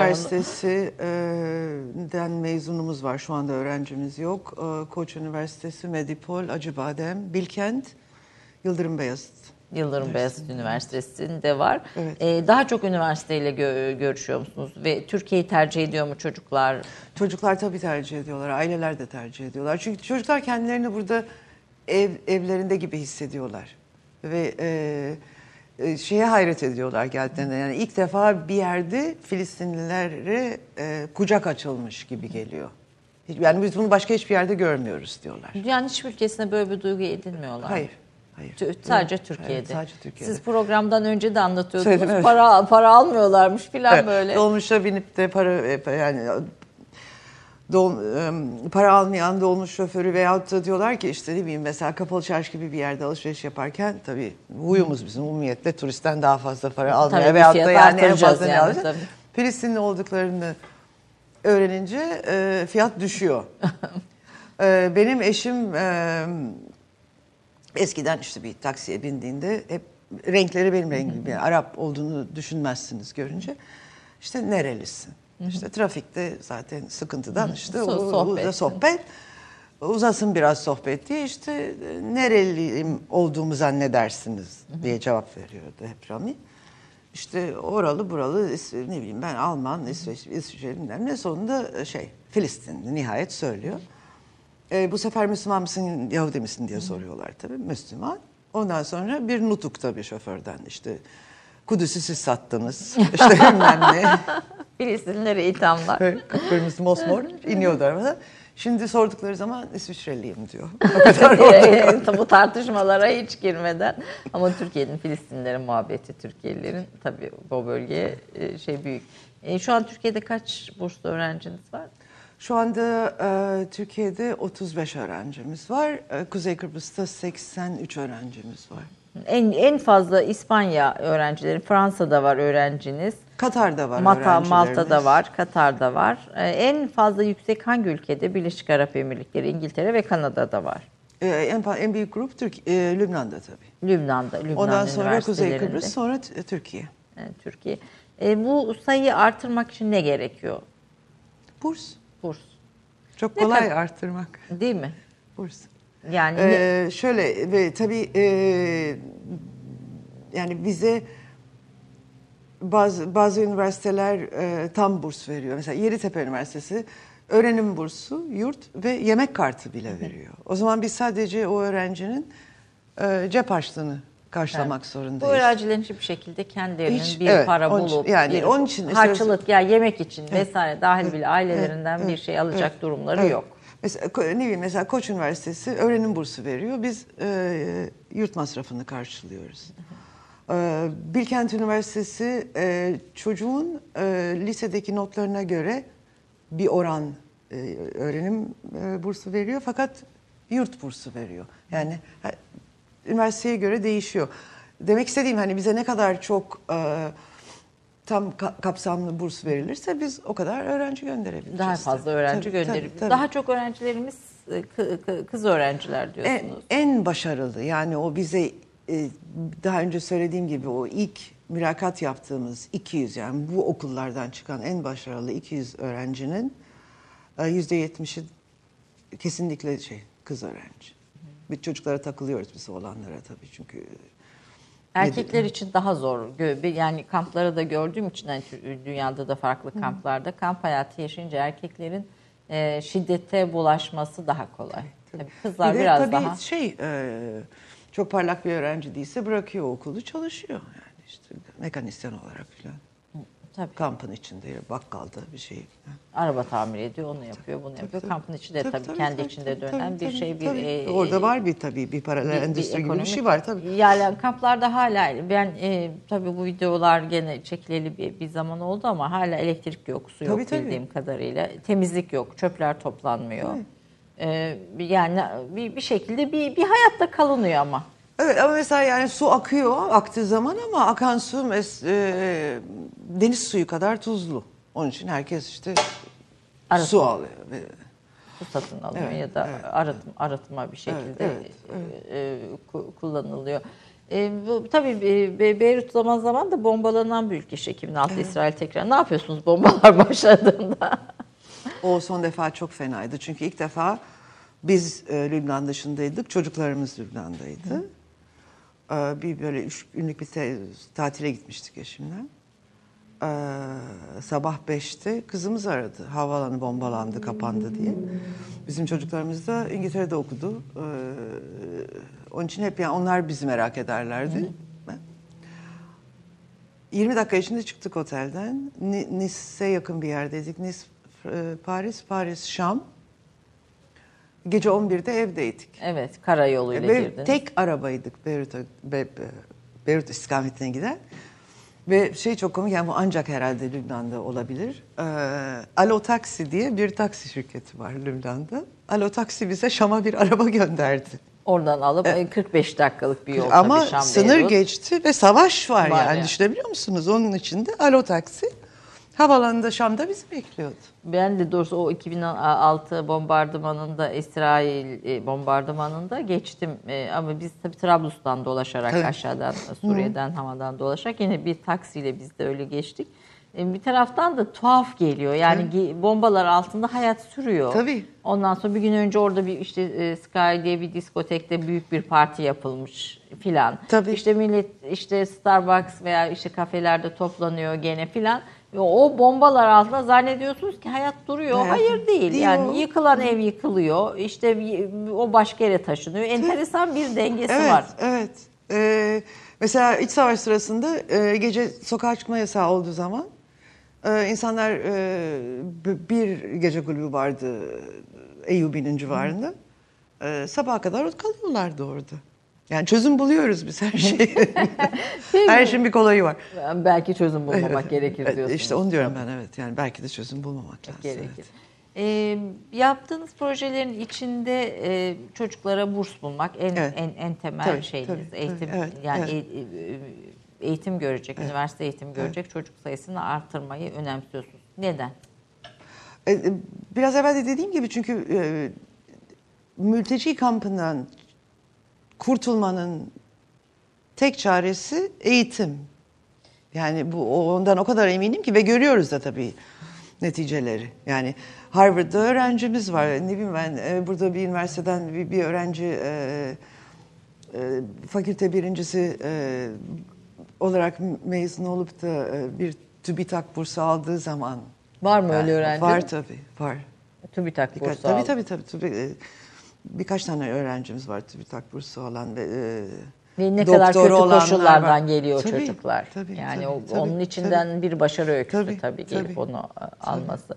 Ee, doktor olanlar var. Yani, e, çalışıyorlar. tabii çalışıyorlar. Lübnan'da çalışmaları da çalışıyorlar. Lübnan'ın Amerikan Üniversitesi'nin tıp fakültesine kabul olmak böyle mucize gibi bir şey. Orada bizim 15 tane öğrencimiz var. 14'ü kız. Burslu okuyorlar Burslu tabii. okuyorlar. Şimdi bu 15 çocuk e, ihtisaslarını yapmak için Lübnan dışına gidecekler ve orada kalacaklar tabii.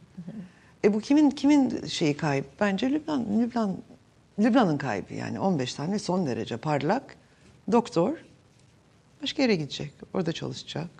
Orada başarılı olacak. Ama tabii Lübnan'daki dengelerde bunun bir önemi yok gördüğüm kadarıyla herhalde. Siz İşte- çok siyasetle ilgilenmiyorsunuz ve çok onu konuşmaktan kaçınıyorsunuz gördüm. Birazcık evet. Ama Yani çünkü şey çok karışık Lübnan'ın siyaseti. Yani. Hiç içinden çıkılacak gibi Evet. değil. E, eşiniz orada bir bankanın da başkanı Evet, aynı evet, aynı zamanda. E, Ben de çalıştım bank, bankacı olarak ilk gittiğimde. Yani bu işlere böyle E, tamamen tabii ekonomistsiniz zaten. Yüksek lisansınız Evet, da var bu evet. alanda. E, Bir 10 yıl bildiğim Evet, kadarıyla herhalde yıl çalıştım. e, bankada çalıştınız. Evet. Tabii burs bulamayınca herhalde eşinize sarıyorsunuz böyle daha doğrusu onlara O müracaat tabii, ediyorsunuz. tabii. yani hani e, me- me- şey, Evet, me- tabii, melek tabii. profesyonel dilencilik yapıyor derken öyle bir tarafı da mutlaka işin içinde. e, Tabii yani bu mesela kampüsümüz rahmetli kayınpederimin çiftliğiydi. O vefat ettikten sonra baktım kimse gitmiyor oraya. Zaten eşim ve iki görümcem var. Oraya ben tabiri caizse el koydum. Ondan sonra da onları e, babanız çok İyi miyiz? memnundur dedim görüyorsa bizi. Ee, Tam yani evet. Ne bulup buluşturuyorsunuz aslında tabii yine de bütün bunların hepsini yapmak hani az bu işler, işler değil bulup bulup buluşturuyorsunuz. İkna etmek için ne yapıyorsunuz? İnsanlara ne söylüyorsunuz? Aa, onun için seyahat ediyorum. Yani şeye inanıyorum ben. e, Bir kere beni bir kere görmesi lazım. Yani hiç tanımadığım bir insansa ki e, ne kadar samimi olduğumu, ne bileyim hiçbir ajandamız yok. E, ben bu işi gönüllü olarak yapıyorum. Kendi masraflarımı kendim karşılıyorum. Çünkü insanlar o kadar çok para verip yani bağışta bulunup da hayal kırıklığına uğramışlar ki bu şey- şeyler derneklere e, verdiği paranın nereye gittiğini bilmiyor veya bir şey için veriyor İstismar. başka Hele yerlere. Filistin meselesi çok istismar Tabii. edilen alanlardan birisi. Onun için bir kere benim inandığım öyle oturup e, yani bir potansiyel işte donör ona benim kendim anlatmam lazım yani o, bize ver, vereceği parayla bizim ne yap mesela e, eğer bir de- devlet bir vakıf değilse sponsor bireysel yardım birey, bireysel yardımların yüzde yüzü öğrencilerin öğrenimine gidiyor. Yani onun içinden biz bir kuruş para almıyoruz. Ne maaşlar için ne kira ödemiyoruz zaten. E, onu insanların benim ağzımdan duymaları lazım diye o güven hattının Evet, oluşması evet, için. evet, Burada önemli evet. olan güven hattının Evet, oluşması. Bir de evet. tabii insanlarda şöyle bir şey de oluştu. Kurumlara verilen bağışlar veya yardımlar veya işte burslar vesaire kurum, kurumsal giderlere de Tabii, gidiyor bir oranda. tabii, Bu tabii. insanlarda yani niye bir kurumu finanse edeyim duygusu Doğru, çok doğru. Siz hiçbir e, bu verilen e, bu Bireysel hiçbir- yardımların bir kuruşu gitmiyor şeye e, kuruma. kurumun masraflarına. Hayır. Ee, dediğim gibi mesela bir bir devletten veya bir e, büyük bir vakıftan e, yardım aldığımız zaman onun çok ufak bir kısmı sadece e, zaten çok az masrafımız var yani bir tek maaşlar var. Gönüllü çalışanlar da var. E, onu karşılamaya gidiyor. E, evet. yani onlara kurumsal giderlere böyle bir şeyi e, e, Lafınızı kestim. Ve ku- Kurumsal giderlere bu bağışların hiçbirisi e, gitmiyor. Hayır, katiyen, Yani katiyen. Burada tamamen direkt e, ve- veriyor. Dünya liderleriyle, dünyadaki bir sürü iş çevreleriyle de yakın ilişkileriniz, diyaloglarınız var. Ee, ikna edici buluyor musunuz kendinizi? İkna ediyor musunuz onları? Yardımlar için. Yardımlar için. Aa, işte bazen ikna edebiliyorum, bazen edemiyorum. Çoğunlukla ediyorum ikna. Herhalde ki yani Yani işte değil mi? şimdilik 400, idare 450, ediyoruz. 450 bu, Evet. bu, Ha, bir bu. de şey çok önemli Ayşen. Mesela bize ayda 100 dolar bağışta bulunan arkadaşlarımız var. Ee, senede yarım milyon dolar veren de var. İkisine de aynı şekilde akademik sene sonunda raporlar gidiyor. Yani sizin bize verdiğiniz bağış, filanca öğrencinin, şu üniversitede okuyan, e, şu masraflarını karşıladı. Yapılan ödemelerin kopyaları e, ve de çocuktan bir teşekkür mektubu e, ve de yardım eden herkesi e, tercihan öğrencilerinden tanışmalarını da istiyoruz. Bir- bu Yani- çünkü o sıcak diyalog. E, bir de böyle elle tutulan bir şey oluyor sonunda yani. Onun için yani 100 dolar veren insan, yarım dolar, yarım milyon dolar veren insanla aynı şekilde bir e, netice görünce aynı açıklıkta, aynı transparanlıkta tabii o da e, Tabii güveni sonuçta her şey arttırıyor. güveni artıran bir şey. Ee, kayınpederiniz bir Osmanlı hayranıyım galiba değil mi Evet, Rami Bey? evet. Rami Elnimer bir Osmanlı hayranı imiş. Evet. E, eşimin e, e, çok büyük bir Osmanlı sanat koleksiyonu var. Ve de Darel Nemir diye bir e, vakfı var. sanatla ilgili e, sergilerin olduğu, özellikle Filistinli sanatçıların eserlerinin sergilendiği ve de senede bir kere kendi koleksiyonundan. Mesela son sergi hat sanatıydı. Ee, her sene kendi koleksiyonundan bir sergi oluyor. Onun dışında da e, ücretsiz olarak herkesin gelebildiği bir e, Eser- salon. salon, evet. Osmanlı eserleri var burada. Var, var, burada var, burada tabii, efendim. Efendim kısa bir reklam arası, kısa bir reklam arasından sonra Melek El Nimer ile son bölümde e, Türkiye'deki üniversiteleri mesaj üzerine konuşmaya devam edeceğiz. Bir dakika reklam arası. Romandan şiire, tarihten düşünceye, klasik metinlerden özel edisyon çalışmalara kadar geniş bir yelpaze ve yüksek bir frekanstan yayın yapmayı hedefleyen Ketebe, şimdiden Türk kültür hayatında kalıcı ve önemli bir yer edindi. Edebiyatımızın seçkin eserlerine, genç kalemlere, tarihimizin engin zenginliğine, dünya edebiyatının hem güncel hem de klasik metinlerine, düşünce dünyamızın, maneviyat tarihimizin köşe taşlarına ve gün yüzüne çıkmamış değerlerine ev sahipliği yapmak Ketebe'nin yayın politikasının omurgasını oluşturuyor.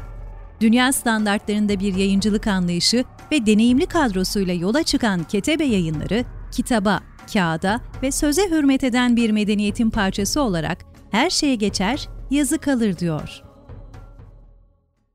Reklam arası sona erdi. Efendim Türk Kahvesi'nin 3. bölümü Melek El Nimer Beyrut'tan geldi. Çok teşekkür ediyorum Ben teşekkür programımıza ederim. ayrıca geldiği katıldığı için. Filistin meselesi hepimizin çok konuştuğu bir mesele. Dünya Müslümanlarının e, konuştuğu ve işte ağladığı, gösterilerin yapıldığı. Dünyanın neresine giderseniz gidin işte Filistin, Kudüs vesaire bu meselelerin çok konuşuldu ama e, bunun ne kadar da Filistinlilerin sahipsiz kaldığını Lübnan'daki kamplarda e, bir, ben de görmüştüm. Siz de Tabii, bunu tabii. bi- bize anlatıyorsunuz. Bu kadar konuşulup ve bu kadar da e, çok e, şeyin içinde bu kadar sahipsiz nasıl bırakılır? Hele Lübnan'ın içinde yani Lübnan tabii bir uç bir ülke yani bir tarafı çok zengin. Bir diğer taraftan da ama kimsenin umurunda değil. Yani orada Artık bir yoksulluk adasında unutulmuş bir Unutulmuş, mültecilik evet. yaşanıyor. Herkesin işine de geliyor herhalde yani böyle bir ortalıkta bir şey kendi birçok ülkede bana şey gibi geliyor Arap ülkelerinde kendi ülkelerindeki e, eksiklikleri e, farkına varmasınlar diye insanları vatandaşları Filistin'den Oyalıyorlar. oyalıyorlar. Çünkü üç kere Filistin dedi mi insanlar sokağa dökülüp gösteri yapıyorlar. Ama ama sonuçta yapılan Yok, bir şey, hiçbir şey yok. hiçbir Tabii şey yok. şey yok. Yani Sabri Şati'yle ülkeler falan da yardım etmiyor. Bu zengin Arap ülkeleri falan yardım etmiyor mu oradaki E, kamplara? valla bu şimdi o gördüğümüz filmden bir farkı yok.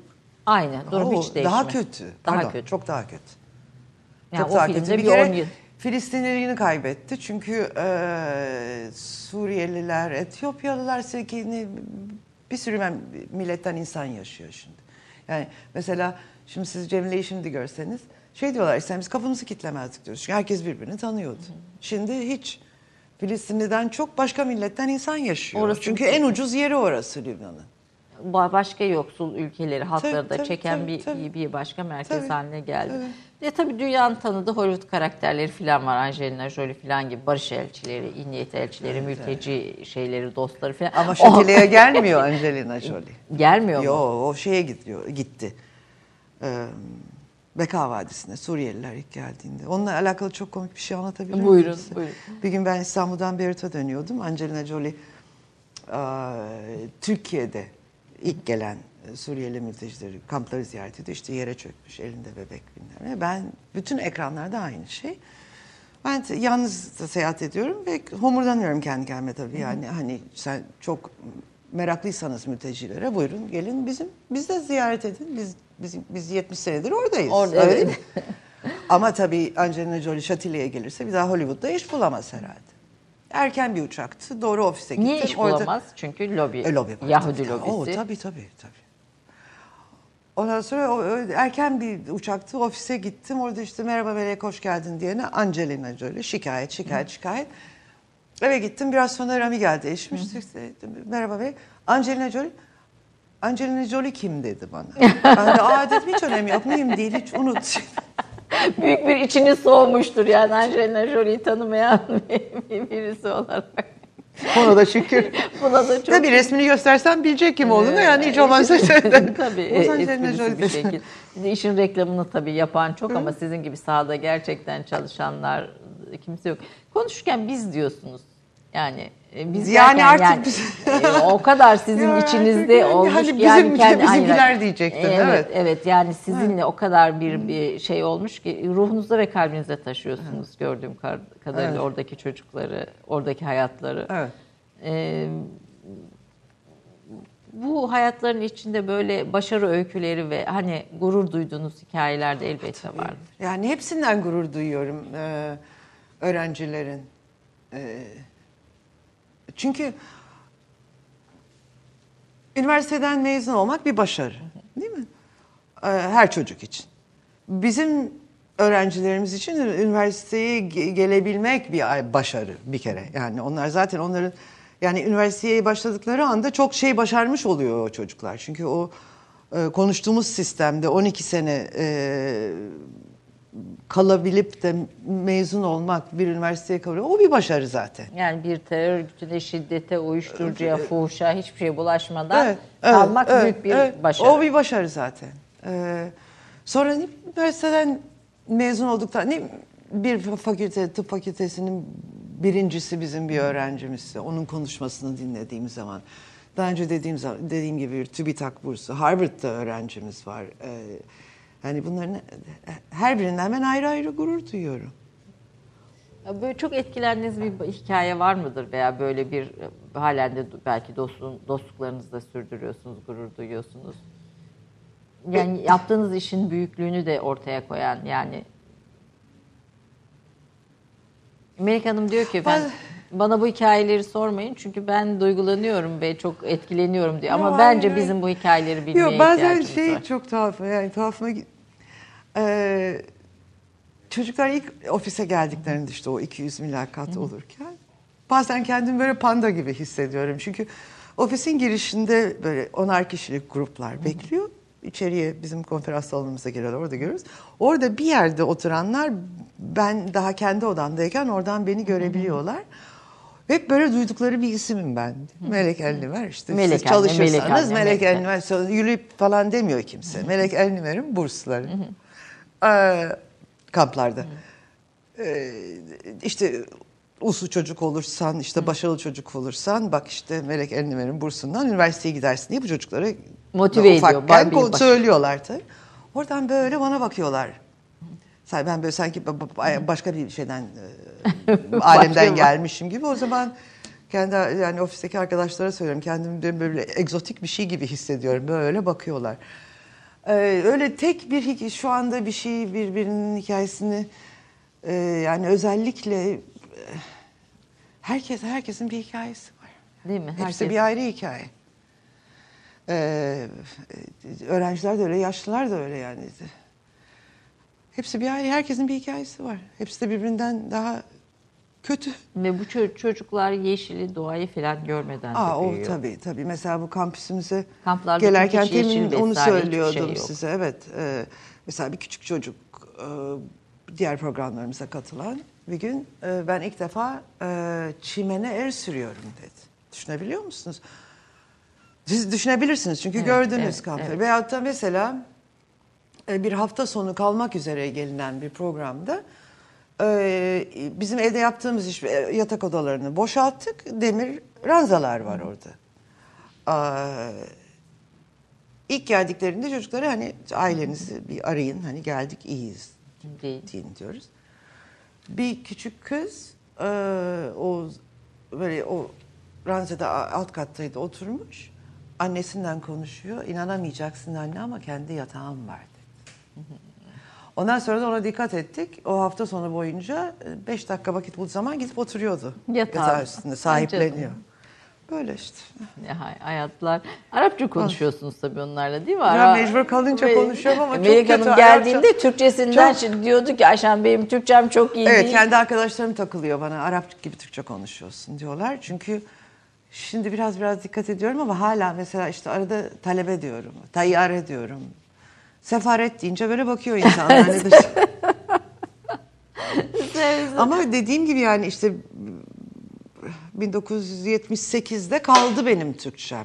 Anıksamak, kanıksamak yani bunlar hiçbiri yoktu. E, internet yoktu tabii televizyon seyredilmiyordu.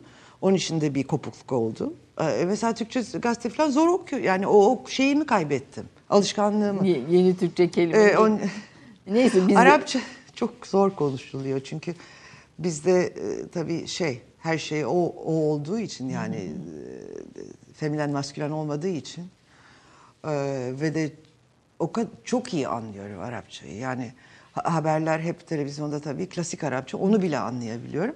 Onun için kendim konuştuğum zaman kendi kendi yaptığım yanlışlıkları da anında anlıyorum. Onun için e, feminen maskülen karıştırıyorum. Mesela bir hanımdan bahsederken erkek diye bahsediyorum. işte e, ters. Ve de insan şımarıyor Lübnan'da. Yani kasaba gidiyorsunuz adam İngilizce ve Fransızca konuşuyor. tabii orada Onun için öğrenmek zorunda da kalmıyor insan. Ama mühim olan anlamak tabii. Yani onları çok iyi anlıyorsunuz ve bir şekilde konuşuyorsunuz. tabii ama konuşursan tabii hepsi, hep- konuşuyorum. hepsiyle bir bağ. E, 78'de bıraktım Türkiye'yi dediniz. Türkiye'de değişen ne her ge- ve sık sık da bu burslar vesilesiyle gidip geliyorsunuz aileniz de burada tabii ki. E, değişimi nasıl görüyorsunuz Türkiye'de? Çok gurur duyuyorum tabii. Ya- Yani her geldiğimde yeni bir şey, her, yeni bir değişiklik. 78'in Türkçesi Türkiye'sinden alakası yok tabii. Bi- bi- Biraz önce konuşurken programdan önce sizinle gelen bir ekip olduğunu söylediniz ve üniversitelerin halini görünce muhteşem buldular Tabii, Türkiye'de. tabii. Bizim üç mezunumuz, e, e, Amerikan Üniversitesi mezunu. Üç genç hanım benimle çalışıyor şimdi. Ve de beraber geldik ki ben üniversiteleri görmelerini istedim. E, ve de inanamıyorlar tabii gördüklerine yani. Ve de şey, e, ufak tefek şikayet bir şey olduğu zaman mesela çocuklardan bir tanesini artık e, bundan sonra herhalde e, şey yani en ufak bir şikayete bile yer kalmadı. Çünkü e, ben tabii onların çocuk gönderdikleri yani öğrenci gönderdikleri üniversiteleri kendi gözlerinden görmelerini istedim ve de irtibat halinde oldukları e, üniversite idaresindeki elemanları yani e-maillerde falan yani bir insanla tanışırsan tabii bambaşka bir diyalog oluyor. E, hayran kaldılar üniversiteler. Evet, Buradaki Türk üniversitelerine üniversiteleri, gerçekten de bir mu- muhteşem. Hani kampüsler falan. Yani biz de master yapabilir miyiz diye takılıyorlar bana. Hani biz de bırakalım işi gelip burada master yapalım diye. Tabii olağanüstü kampüsler. Evet, Türkiye'de de değişim 78'den bu yana tabii büyük bir Yani anlatılacak gibi değil tabii. büyük, büyük Tabii. bir değişim. Hele Tabii. hele e, yani Orta Doğu'dan ve o yaşadığınız yerlerde e, Lübnan'dan bakınca bunu daha da görüyorsunuz Tabii. ortada. Tabii. An be an e, gün be gün değişen bir ülke. Tabii yani di- diğer e, Orta, Orta Doğu'nun gerisini e, di- diğer ülkelere kıyaslayacak olursanız Orta Doğu ül- ülkesi gibi değil Türkiye tabii. Hiçbir zaman da olmadı tabii, yani hani değişim. olmaz da tabii. bir, bir şey var.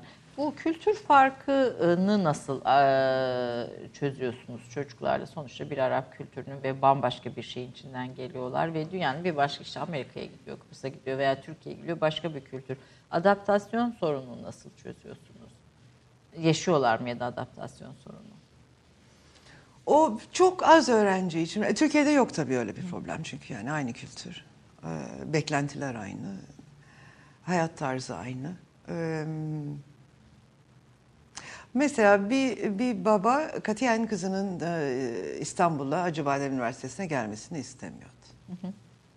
Kız çocuk işte. Ee, gidebilir miyim beraber kızımla dedi. Gidebilirsiniz tabii dedim. Ee, geldi kızını o getirdi yani Acıbadem Üniversitesi'ne. Ee, birkaç günde kaldı İstanbul'da. Ee, şimdi biz onu pazarlamacı olarak kullanıyoruz. Yani başka ailelerde tereddüt varsa hemen bu adamcağız çağırıyoruz. Evet. Ve en şeyle gururla söylediği şey de hiç merak etmeyin diyor. Kızınız çok emin ellerde olacak. Yurda ben girmek istedim yani kızım nerede kalacak görmek istedim. Babası olduğu, olduğum halde beni bile sokmadılar içeri diye onu anlatıyor. Gü- güvenli güvenlik Evet, koşullarını evet, bu evet, şekilde evet. eee, Ama tabii yani ailelerle e, ne bileyim bir Amerika'ya çocuk gittiği zaman ya, tereddüt oluyor. e, sonra çocuklar döndüklerinde biraz bocalıyorlar tabii. Fakat hep onlara söylediğimiz yani nereden geldiğinizi unutmayın. Kim olduğunuzu unutmayın. Yani e, batıya gidince, batı ülkelerine gidince birçok şeyi öğrenmek çok güzel de e, tamamen her şeyi, onların her şeyini de adapte etmek iyi bir şey değil. E, Filistinli olduğunuzu unutmayın. E, evet.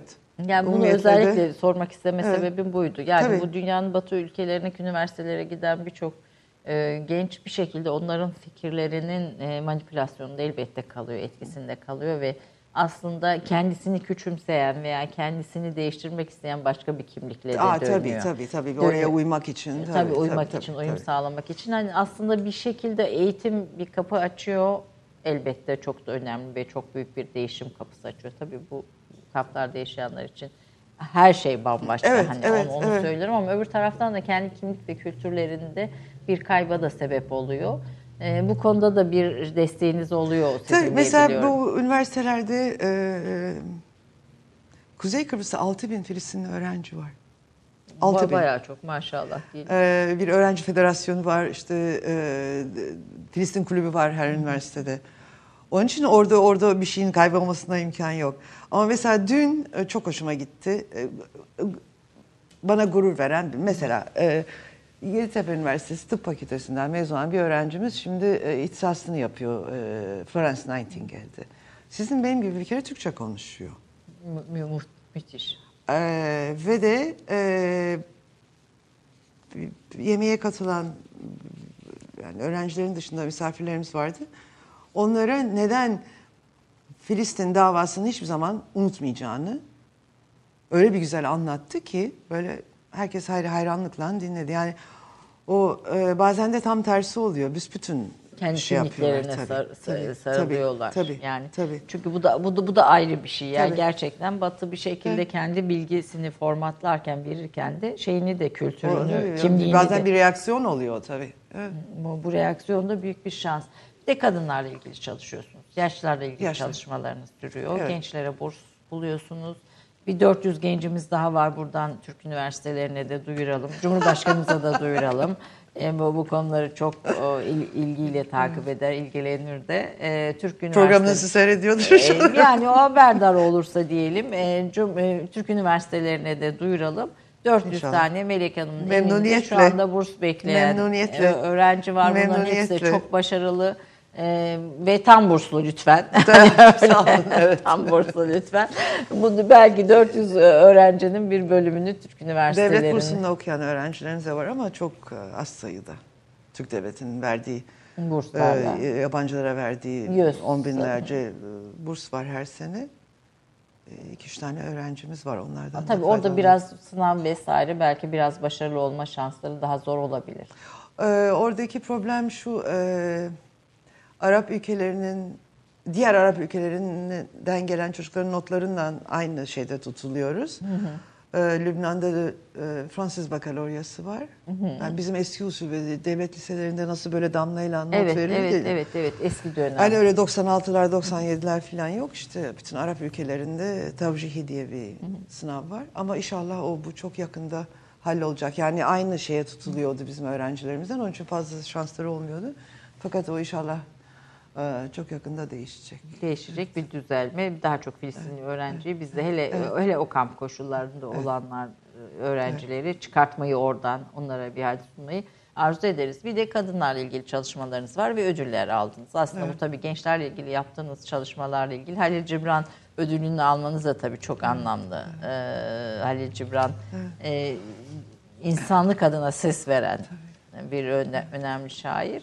Ee, bir kadın örgütünün de aynı zamanda Lübnan'da Evet. kurucususunuz. E, Lübnan şeyini, e, Ee, ve- branşını kurdum. Evet. Evet, e, ve kadınların güçlendirilmesinde bir diğer yaşlılar, gençler ve kadınların güçlendirilmesinde bir diğer önemli başlık olarak görüyorsunuz. Orada ne yapıyorsunuz?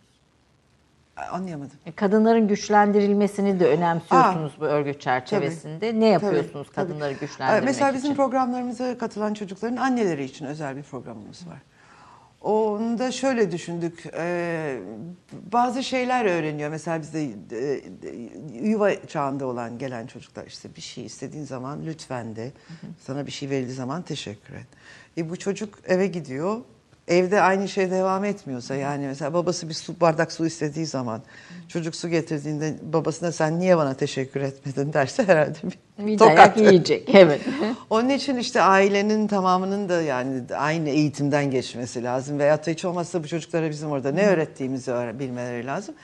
Diyerek anneler için bir programa başladık. Ve orada çok güzel şeyler oldu. Mesela bizim bu kampüsümüzün biraz ilerisinde e, Filistinlilerin, Suriyelilerin beraber yaşadığı e, kamp değil de böyle bir yerleşim var.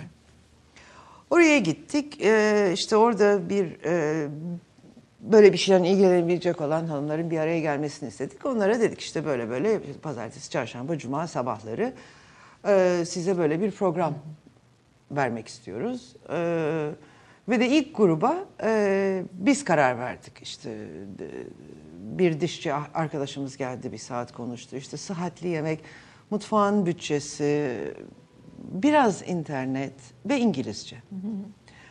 Ee, ve bu ilk modül bittiği zaman da sorduk bu hanımlara yani bu bize size sunduğumuz şeylerin içinde siz en çok e, enterese eden hani ne oldu daha fazla hangisinin tekrarını istersiniz? Ee, internet ve İngilizce. Nedeni de şu. E, çocuklarımız bizi daha ciddiye alıyor şimdi dediler. Yani biraz çünkü onların ne yaptığını anlıyoruz. Fakat en güzel şey Suriyeli bir hanım dedi ki ben işte bir buçuk senedir, iki senedir burada yaşıyorum. Çamaşırlarımı gece asıyordum. Kimse beni görmesin diye ve çocuklarımın diğer çocuklarla oynaması, oynamak için dışarıya çıkmasına müsaade etmiyordum. Çünkü onlar bana ne gözle bakıyorlar, bizim için ne düşünüyorlar bilmiyordum dedi. Şimdi dedi burada buradan gidiyoruz, beraber kahve içiyoruz, beraber yemek yiyoruz. Ee, Ve çocuklarımız arkadaş oldu. Güçlendiriyor. tabii, yani tabii.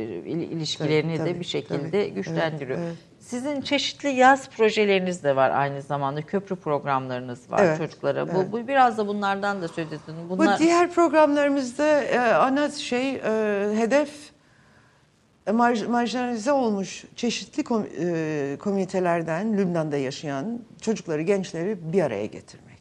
Yani mesela bir e, e, kızlara coding öğreten bir programımız var. Oraya işte 15 tane Suriyeli, 15 tane Lübnanlı veyahut da 15 tane Filistinli, 15 tane Lübnanlı çocuk davet ediyoruz. Değişik başka kuruluşlardan ee, ve de o programı beraber katılıyorlar. Ve de orada e, çok bariz bir şekilde görülüyor ki e, ilk günü işte böyle bir masanın etrafında oturuluyorsa Lübnanlar bir tarafta oturuyor, Filistinler öbür tarafta oturuyor. Sonra böyle o çizgi filmlerde bir lamba parlar böyle Evet. bir şey. O Aydınlanma. aydınlanma nokta. O bir anda fark ediyorlar ki artık üçüncü günü, dördüncü günü kimin kim nereden geliyor gelmiş ol- olsa bile yani e, olduğu önemli değil. Ee, çok e, yani tabiri caizse sefalet hepsinin ortak ve en büyük sorunu. Yoksulluk. Ondan sonra her şey yerine yerleşiyor. Çünkü nihayetinde hepsi çocuk, hepsi genç. O programlarda verdiğimiz eğitim tabii hepsi önemli şeyler. Ama o bizim o çocukları bir araya getirmek için kullandığımız e, yani o kullanıyoruz o verdiği şeyleri. Yani Lübnan ayrımcılığın o yaşandığı bir ülke ve ağır ve yoğun yaşandığı bir ülke. Yani hem resmi anlamda diyelim. Tabii tabii tabii resmi. Hem de hem de toplumsal anlamda ayrımcılığın yaşandığı bir Şimdi ülke. de 3 milyon e, Suriyeli var.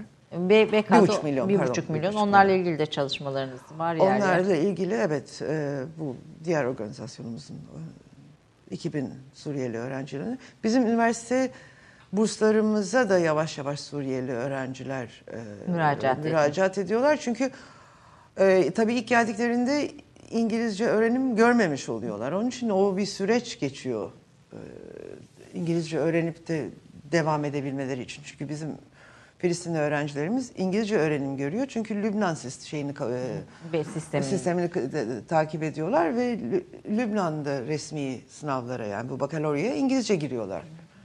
Onun için e, Suriyeliler şimdi yeni yeni e, adapte oldu. çıktı. Evet. Su- Suriye meselesi yani Suriye'deki bütün bu savaş ve dağılma Lübnan'ı bir hayli kötü etkiledi herhalde. E, nüfusu 5 milyon.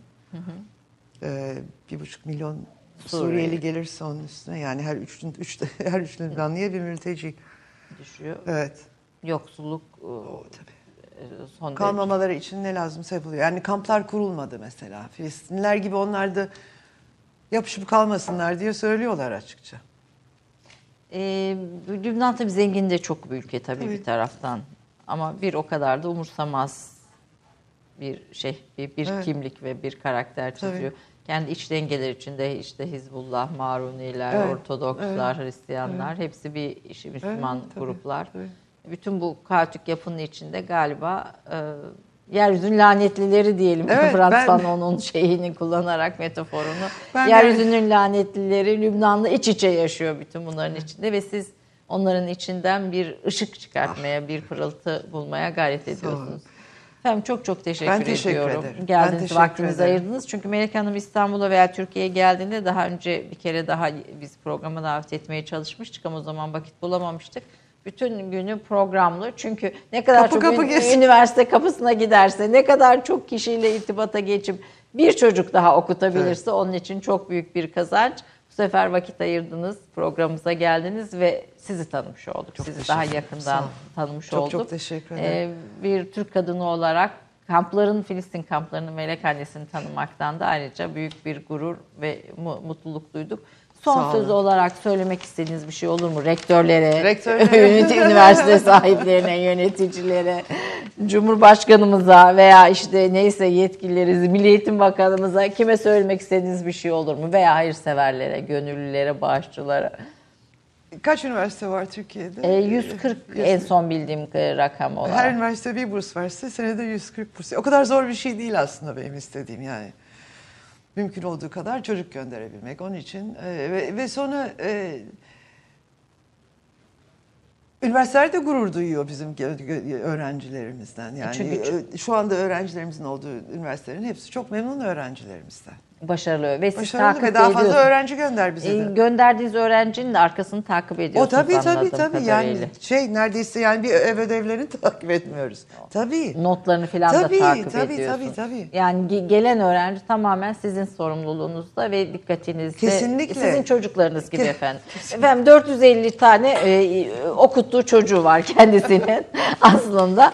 Bir 400'de bekleyen var. Bir de tabii daha arkadan gelen ge- gençler Gençler var. var. Çok geniş bir aileyi temsil ediyor. Aşiret. Melek Elniver bir aşireti temsil ediyor. Filistin kamplarının umudu, gülen yüzü. Efendim tek- tekrar çok çok teşekkür Ben ediyorum. teşekkür Sizi ederim. tanımaktan onur duydum. Ben Türk kahvesinde bugün de İstanbul Beyrut arasında e, bir e, hikayenin kahramanı Melek Elnimer'i sizlere tanıtmaya çalıştık. Bir başka programda görüşmek üzere. Hoşçakalın.